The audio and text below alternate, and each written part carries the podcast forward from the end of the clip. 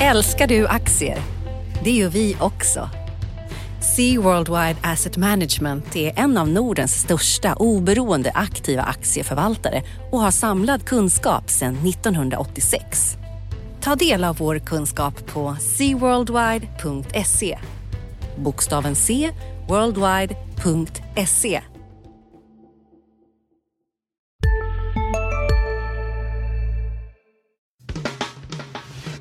Analyspodden från Dagens Industri. Hej allihopa och välkommen till veckans avsnitt av Dagens Industris analyspodd. Eh, vi har toppat laget även denna vecka för det är samma uppställning som förra veckan. Ulf Pettersson heter jag och mitt emot mig finns Jonas Jonsson. Hejsan Jonas! Hej hej, kul att få komma tillbaka. Ja. Du sa att vi skulle rösta om det här på nätet förra gången men det blev, eh, det blev så här så det är Ja. Du, roligt. du, du klickade för fullt på Ja, knappen. jag har satt hela familjen på att klicka för den där omröstningen. Bra, och det gick ju väl. Eh, precis som melodifestivaler och sånt som vi inte ska prata om nu utan det kanske blir om någon månad eller jag ser någon klocka här i stan som Ja, tickar jag är inte så intresserad men däremot så är det ju väldigt intressant att jobba just nu. Det är ju, idag har ju varit en, vilken fredag så här på förmiddagen med Volvo-rapport, nyemission i SSAB och en massa andra rapporter i veckan. Jag vet inte, var, var ska vi börja i allt det här? Jag vet inte, vi får kanske ta det från, i, i tur och ordning här. Det har ju som, som du säger varit en första rapportperiodsveckan. Eh, högintressant tycker jag den har varit. Eh, vi ska gå igenom de här bolagen som sticker ut i den där riktningen tycker jag. Mycket kommer handla om det. Kanske lite Brexit, Obama kanske också och, och lite oljebeskedet från Doha förra veckan som påverkade Exakt, marknaden. och så har vi haft räntebesked också i Ränt- veckan som eh, våra kollegor har skrivit mycket om. Ja. Jag tycker vi kör igång med rapportperioden. Vi började med här tycker jag, i Volvo idag. Det. det var ju omöjligt att få in Hägerstrand eh, till redaktionen för att Nej. han är på presskonferens. Kanske är därför jag sitter här också om vi ska vara Kan- helt ärliga. Kan vara så. Ja, men eh, det, aktien är upp, eh, just när jag kollade nu på förmiddagen, över 5 procent. Ja. Resultatet var 8 procent över förväntningarna och alla siffror verkar peka uppåt nu för Volvo. Ja, det tycker jag. Man har ju varit lite oroad här Eh, för USA-marknaden som viker. De sänkte faktiskt prognosen för USA-marknaden och sen så har man varit lite orolig för Asien då. Och sen så har man haft en stark Europamarknad och det där fortsatte under kvartalet. Och det som är, är bra då är det att Volvo brukar, eh, deras vinster brukar haverera i USA när det viker ner, men det gör det inte riktigt här den här gången. Så det känns som det är bättre kostnadskontroll. Jag vet inte hur mycket man ska ge eh, eh, vdn Martin Lundstedt cred för det då, men lite grann kanske redan nu. Att, att Ja, man är, håller är det så där. att det är hans förtjänst? Eller är, för Olof Persson hade ju ett eh, tufft jobb Ja. och så fick han gå. Och så nu kommer in någon ny och, och eh, sola sig i glansen. Ja, lite så är det nog. Lite solning i glansen är det nog oförtjänt, men lite grann kanske det är Ska Scania har ju, till skillnad från Volvo, har ju varit duktigare på det här modulsegmentet som gör det met- bättre, lätt, mer, mer anpassade efter marknadsförutsättningar kan man säga. Och, och kanske lite sånt börjar komma in, men det är klart att man ska nog inte ta ifrån Olof Persson hans jobb också. Nu ska ju Olof Persson inte hålla på att sälja lastbilar längre, utan nu ska han sälja kläder Ja, med. Torsten Jansson här. Så Just det, det är en helt annan grej. det är en helt annan grej, vi får se hur det utvecklas. Men Men, tillbaka- men jättebra Volvo tycker jag. Eh, och så kom den här nyemissionen i SSAB här på morgonen också som vi har skrivit om. Exakt, och där i Börsmorgon i morse så hade vi lite betting mellan Mattias Sundling eh, och eh, Anders Hägerstrand inför börsöppningen. Eh, Sundling sa att aktien är upp idag för att det här är tillräckligt. Hägerstrand var betydligt mer hård. Han sa att det skulle behövas dubbelt så mycket pengar till till SSAB och aktien kommer att gå ner. Just nu ser det ut som att Hägerstrand har fått eh, väldigt eh, mest rätt av de här två herrarna. Jaha, ja, spännande. Ja, miljarder, man hade nog räknat med 10 miljarder. Eh, och den är ju då i hamn, bland annat så ska LKAB eh, lyfta sig själv i håret och pynta in, pynta in eh, någon miljard, kanske det blir åtminstone ska de garantera här får vi se. Det statliga bolaget, så det är lite, lite statlig räddningsoperation i, i det fördolda där bakom SSAB tycker jag. Eh, Och sen så går, håller ju storägarna då in, in med industrivärden i spetsen, ska teckna sin andel också, även Hur, hur finnarna. tror du det hade varit med den gamla ledningen av industrivärlden? Hade det blivit 10 miljarder då i nyemission? Hade, är de Eh, försiktigare med den nya ledningen? Ja det tror jag. Det tror jag. jag tror att inte, om man nu utgår ifrån att det är Lundberg som, kör Storgatan så är inte han så sugen på att lassa in mer i SSAB än vad så att säga anständigheten kräver. Mm. Och anständigheten var väl 5 miljarder här. Eh, dessutom ska de ju då börja sälja en del verksamheter och sånt där. Hade det varit den förra ledningen så hade man nog velat ge dem kanske 10 miljarder men man kanske inte hade kunnat för då var, det, var industrivärlden ganska skuldsatt. Det var ju faktiskt eh, inte helt oväntat det som kom här för man har sett på industrivärldens senaste affärer här att de har plockat hem pengar från marknaden just för att, för kunna, kunna skicka stötta. iväg dem till, till Borlänge och Luleå och sen igen då i SSAB. Ja, just det. Sen har det hänt en himla massa annat. Igår så var det den stora Ericsson-dagen. Just det. Och eh, vi kan säga att eh, det är inte så roligt att heta Hans Westberg och läsa tidningarna idag. Oss och alla andra också faktiskt.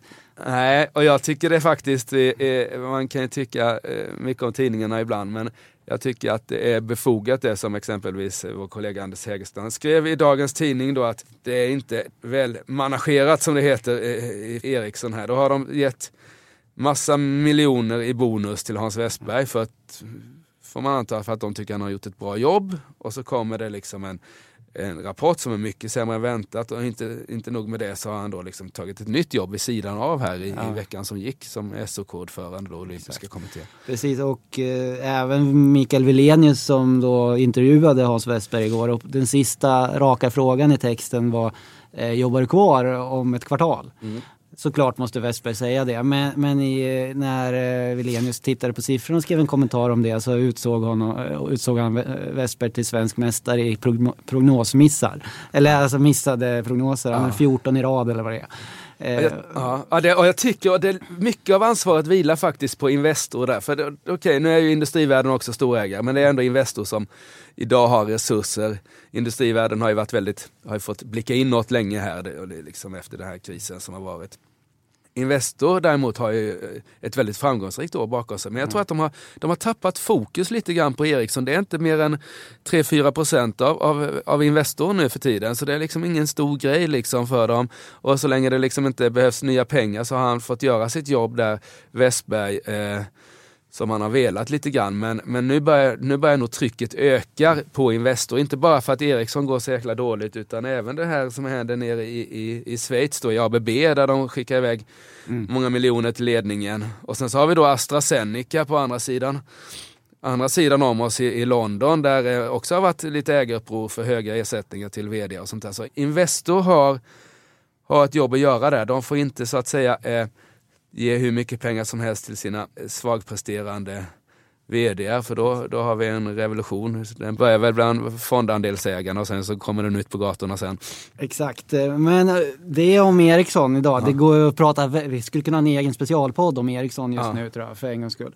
Eh, och, men det har hänt en himla massa andra, det kommer en andra massa rapporter. Som, vad, vad, ska man säga om de som har kommit den här veckan? Eh, eh, om, om, om, om man försöker sammanfatta det lite grann så är Ericsson och Betsson är de stora sänkerna. Betsson kan jag prata lite mer om sen. Eh, och sen. Men sen så utöver det så tycker jag att rapportperioden är bra och lite bättre än väntat. Det har också synts på Stockholmsbörsen som under veckan är upp 2 då, ja. första rapportveckan här. Så överlag är det en bra rapportperiod. Eh, ett styrkebesked tyckte jag exempelvis var Husqvarna. Det har ju inte kommit så mycket verkstadsbolag än då, de, ja, förutom Volvo idag då. Så, men Husqvarna kom med en bra rapport. Eh, vändningen som man har sett där fortsätter. Betsson var en dålig rapport, men där tror jag att vi har ett strukturellt problem i den här branschen. Det, mm. det, den här marknadsföringen man ser på i, i TV, TV hela tiden, den kostar pengar eh, ja. och sådär. Eh, och annars, sen, är resan så, över i spelbolagen? Ja, absolut. Ja, jag tror att det där är en... Alltså, spelbranschen har funnits lika länge som det har funnits människor. Och en bransch som har funnits i tusentals år ska inte växa mer än, mer än antalet människor eller som BNP i bästa fall. Och så har de då haft en tillväxt på 10-15 procent. Dels är det den här migrationen till internet då, men, men i längden så, så är inte det där någon tillväxtbransch. Uh, och det blir, blir väldigt dyrt att få nya kunder nu. Jag, jag, skulle inte äga, jag skulle inte äga någon av dem, det är enklast så. Mm. Uh, något annat som jag tyckte var intressant, uh, rapporten var väl inte så där, det var Handelsbanken. där det intressanta var faktiskt att de beräknar att de inte ska dela ut så mycket pengar i framtiden. Ja. Och att oktogonen... Exakt, oktogonen. Det, är, det, är det de, de anställda på Handelsbanken nu, dels så ska de stänga 50 kontor, vilket har varit deras eh, USP att säga att vi är faktiskt det företag som har mest eh, bankkontor kvar. Eh, Och sen så inga avsättningar till oktogonen eh, och det är liksom själva kittet i varför Handelsbanksanställda jobbar på På Handelsbanken. Ja. Nej, det där är alltså det är en omprövning av hela affärsmodellen skulle jag vilja säga.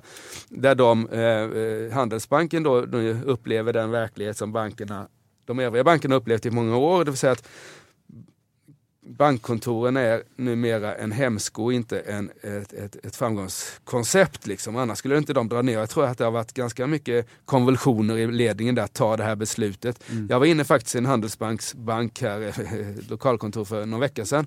Vad gjorde du då? Ja, vad gjorde jag då? Nej, strunt i det. Hit med pengarna. det här är ett rån. Eh, ja, och det gick inte bra det rånet för de hade inga pengar på det handelsbankskontoret inne i Stockholm. Uh, såg jag på en skylt. Och eh, det har också varit en sån där, att hos oss finns det pengar men det finns det inte längre på alla bankkontoren. Och, eh, och de har det här och sen så är det då den här starka personal, det är ett närmast personaldrivet bolag det där. Och, och att ta de beslut de tar nu då, att göra sig av med bankkontor, att inte ge några pengar till personalstiftelserna, det är tufft tror jag internt.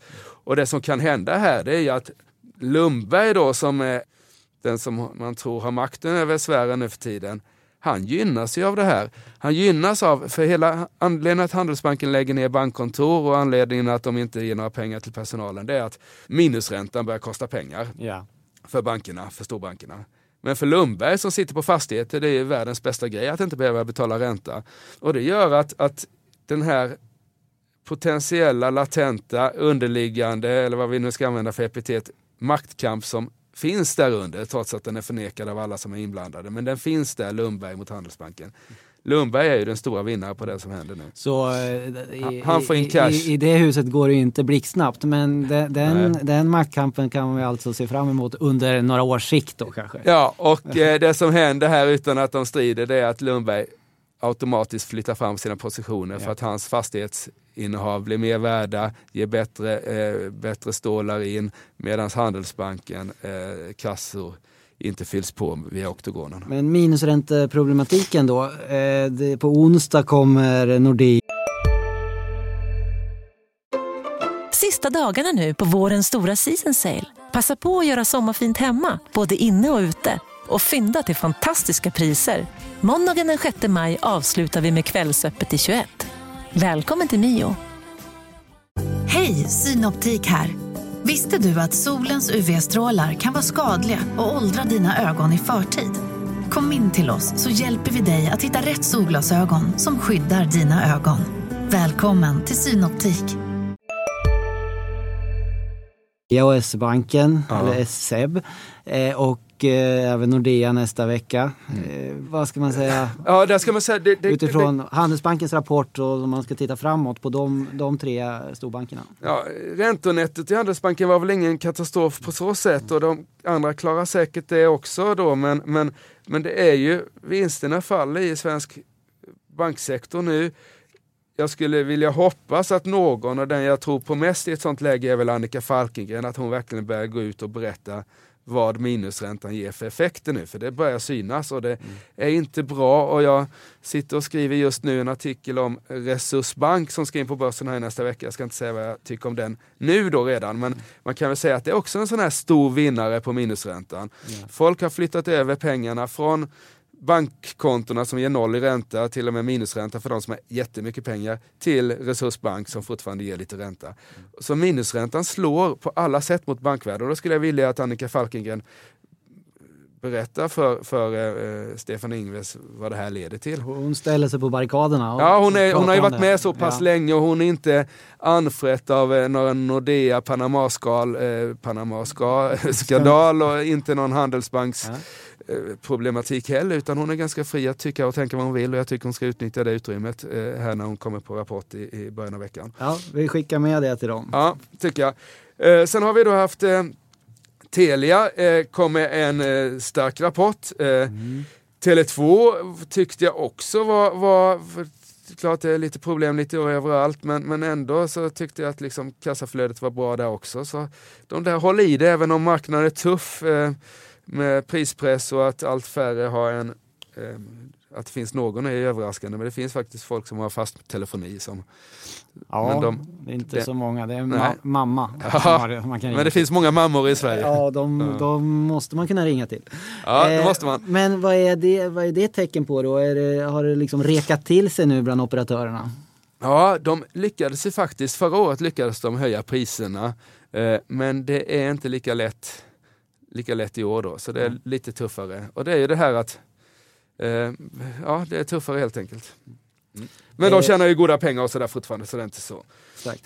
Mer idag då, vad är det som händer? Det kom en Fingerprint-analys idag igen. Just det. Eh, Det verkar vara så här, när vi sitter här i studion, då skickar någon storbank ut en Fingerprint-analys, så kan vi prata om den i några minuter. Just det, och det, var, kan vi göra. Det var UBS eh, som sätter en kurs på 375 kronor. Yes. Eh, och aktien tror jag är ner idag. Ja. Eh, och eh, samtidigt kommer Jan Wäreby, apropå Ericsson-människor som tar sidouppdrag. Han blir ny ordförande i den här rätt så publika eh, bolaget. Eh, de har rapport på torsdag klockan sju. Kommer eh, vi att vara på helspänn på Mm. redaktionen och antagligen en massa aktieägare. För då vill man veta de viktiga frågorna om de, de fortfarande är så ensamma som de har varit på marknaden. Och så. Va, vad säger du om, om, Ja, jag, om allt det här? allt det här, jo men jag håller med dig. Förra gången vi satt här, förra fredagen, så var det en analys, riktkurs 600 spänn va? Köpanalys, nu är det en säljanalys från UBS. Eh, intressant för UBS är ju inte vilken bank som helst, den har liksom muskler, eh, påverkar aktien idag, 375 spänn. Eh, näst, näst lägst riktkurs av dem, eh, nu är det väl faktiskt över en handfull, nu börjar det nog bli en 6-7 personer, eh, banker här som, och, och fondkommissionärer som bevakar den. Eh, och det är kul, det är jättebra tror jag. Vad det gäller Jan Wäreby som ordförande så tror jag det är ett jättestyrk styrkebesked. Och nu var det väl ett tag sedan han liksom toppade våra tidningar som Ericsson chef då och sådär. Men, men ändå så liksom, jag tror att marknaden tycker att det är ändå ett välkänt namn och han kommer så att säga från rätt Ja. sektor. Det är inte liksom... Han det har ju inte, varit, suttit i styrelsen för Sony Ericsson också då det begav sig. Ja, precis. Så det är ju perfekt. Det är inte liksom Olof Persson som går, går ska sälja liksom t-shirts hos Torsten Jansson. Det här är, ju liksom, det här är ju liksom eh, samma marknad Det, kan man det är säga. inget branschbyte på det Nej, sättet. Så- nej. precis. Utan, eh, så det är bra. Ja. Eh, nu räcker väl inte det till då för att hålla aktien uppe idag tror jag Nej, inte. Men, nej. men det är ändå bra. Och vad det gäller rapporten nästa vecka så håller jag med om att den är hög, hö- högintressant. Mm. Och jag tycker att vi ska live-bevaka den. Inte minst för att det finns så många som äger den. Och inte minst för att bolaget är inne i en spän- sån spännande eh, situation då. Det gör ju- viktigaste är att de håller sina prognoser. De är ju det bolaget bland storbolagen som ger mest och tydligast prognoser. Och därmed så liksom blir det väldigt lätt att, att liksom, eh, se om de går som det är tänkt eller inte. Eh, det är det viktigaste, håller de prognosen. Ja. Och, och prognosen är viktig och vad de här analyserna innehåller det kommer vi ut med en artikel om fredag eftermiddag på, på d.se. Just det, så- Om, man vill, om man vill grotta i de positiva och negativa analyserna från bankerna om Fingerprint så ska det finnas en text. Har jag härmed lovat. Det var bra det. Titta runt lite så hittar ni även en Fingerprint-artikel. Jättespännande. Du, ska vi eh, ta kort nästa vecka också? Eller ska vi prata lite om räntebeskedet? Eller vad tycker du? Ja, det blev ju oförändrad ränta. Mm. Eh, och eh, Mittelman, vår kollega, hade åsikt om det. Ja, det har han ju haft ett tag, men eh, jag citerar eh, att den här politiken nu från Riksbanken. Det är som att hålla fram en godispåse fylld till bredden och säga till barnen att käka morötter. Lycka till! Eh, och eh, Mittelmans eh, käpphäst är då att den här politiken är ba- enbart för att hålla kronan i skick, men den är helt fel. Ja, och det har han ju rätt. Vi kan inte ha en minusränta hur länge som helst. Men eh, så länge alla andra har det också så är det, det är ju lite sådär att så är det med bubblor att det krävs ju att någon hoppar av, eh, liksom eh, slutar dansa. Men nu, Han, han kallade även politiken för livsfarlig. Eh, hur, Ja. hur var det, alltså efterdyningarna av marknads, räntebeskedet i veckan? ja, det, det har varit Riksbanken var lite mjukare, lite mer lössläppt kanske eh, Mittelman skulle kunna använda som ord, än vad, än vad folk hade förväntat eller marknaden hade förväntat. Eh, men vi såg inte några jättestora rörelser. Eh, kronan har varit väldigt stabil mot både dollarn och euron här. Räntan har också varit stabil, så det var en, det var en kortsiktig effekt där faktiskt kronan stärktes, vilket man, den inte borde ha gjort enligt ekonomisk teori då precis på beskedet men sen så har den lugnat ner sig. Så de håller, de håller kronan i schack kan man säga här, eh, Stefan Ingves och kompani. Innan vi går in på eh, nästa vecka, Mm. så utifrån det du har sett i rapportfloden den här veckan. Det alla lyssnare egentligen sitter och tänker på, hur ska jag göra? Ska jag börja, börja köpa aktier igen eller ska jag hålla mig på mattan? Nej, Väldigt det, grovt. Ja, men det, det så att säga... Eh, ceteris paribus som man fick lära sig. Allt annat lika så är ju liksom den här rapportveckan vi haft gör ju att man är närmare köpknappen än vad man var för en vecka sedan tycker jag. Okej. Och eh, det finns ju eh, kanske en del verkstadsbolag där ute som är lite nedpressade som man kan, kan chansköpa för de som gillar att chansköpa. Det tycker jag man kan eh, ha som riktlinje här. Ja. Så får vi se här. Man, Men vi har en vecka framför oss också med väldigt mycket rapporter. Ja. Det har vi. Eh, Och bankerna är ju, bankerna tycker jag, måndag, tisdag, Swedbank, Nordea, eh, eh, SEB. Det är ju jätteintressant. Swedbank har ju fått en ny VD här så hon, är, hon har väl presskonferens till och med idag men hon kommer ha presskonferens i nästa vecka också. Ja, det blir intressant när Bondesen får eh, rätt snabbt ut med sin första ra- rapport. Där. Ja. Vad tror du man ska titta på där? Uh, ja, räntenettot är ju, är ju förstås den stora grejen. Sen ska vi nog inte hänga henne om rapporten är dålig för det vore väl att ta i då. eh.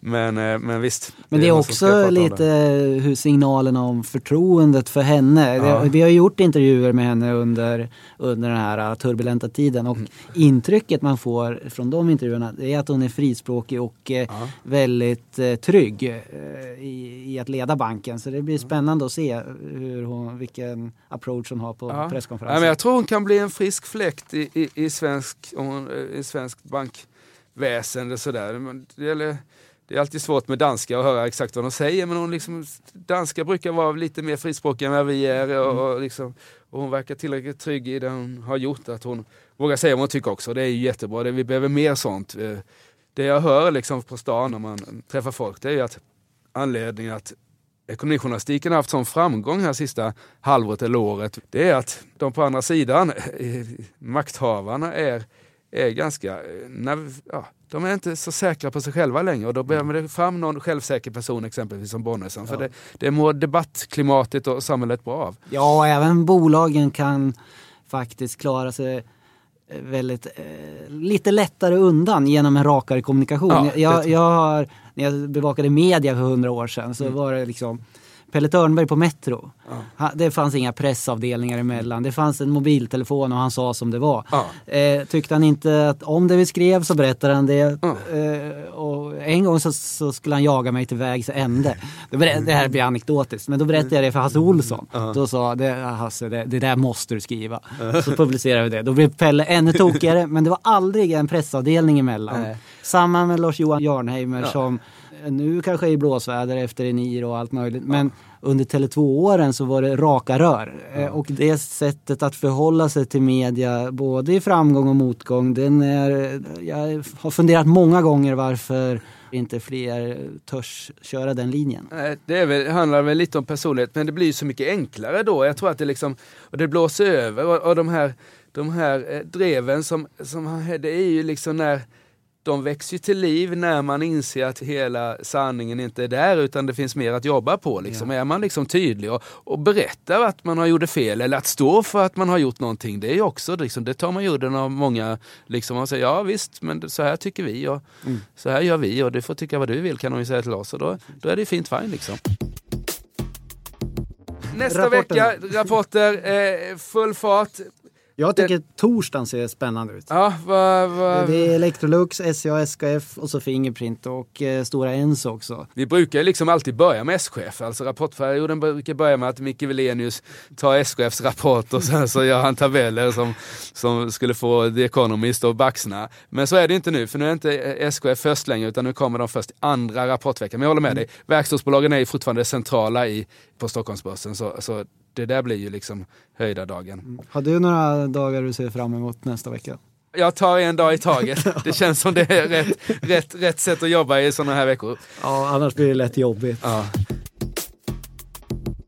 Som vanligt väldigt roligt att vara med. Ja, det var det. Och det var roligt att ni lyssnade på oss. Ni får ha en skön helg. Och välkommen nästa fredag, då har vi mycket nytt att prata om också. Tack ska ni ha.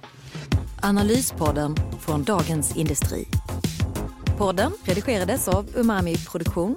Ansvarig utgivare Lotta Edling.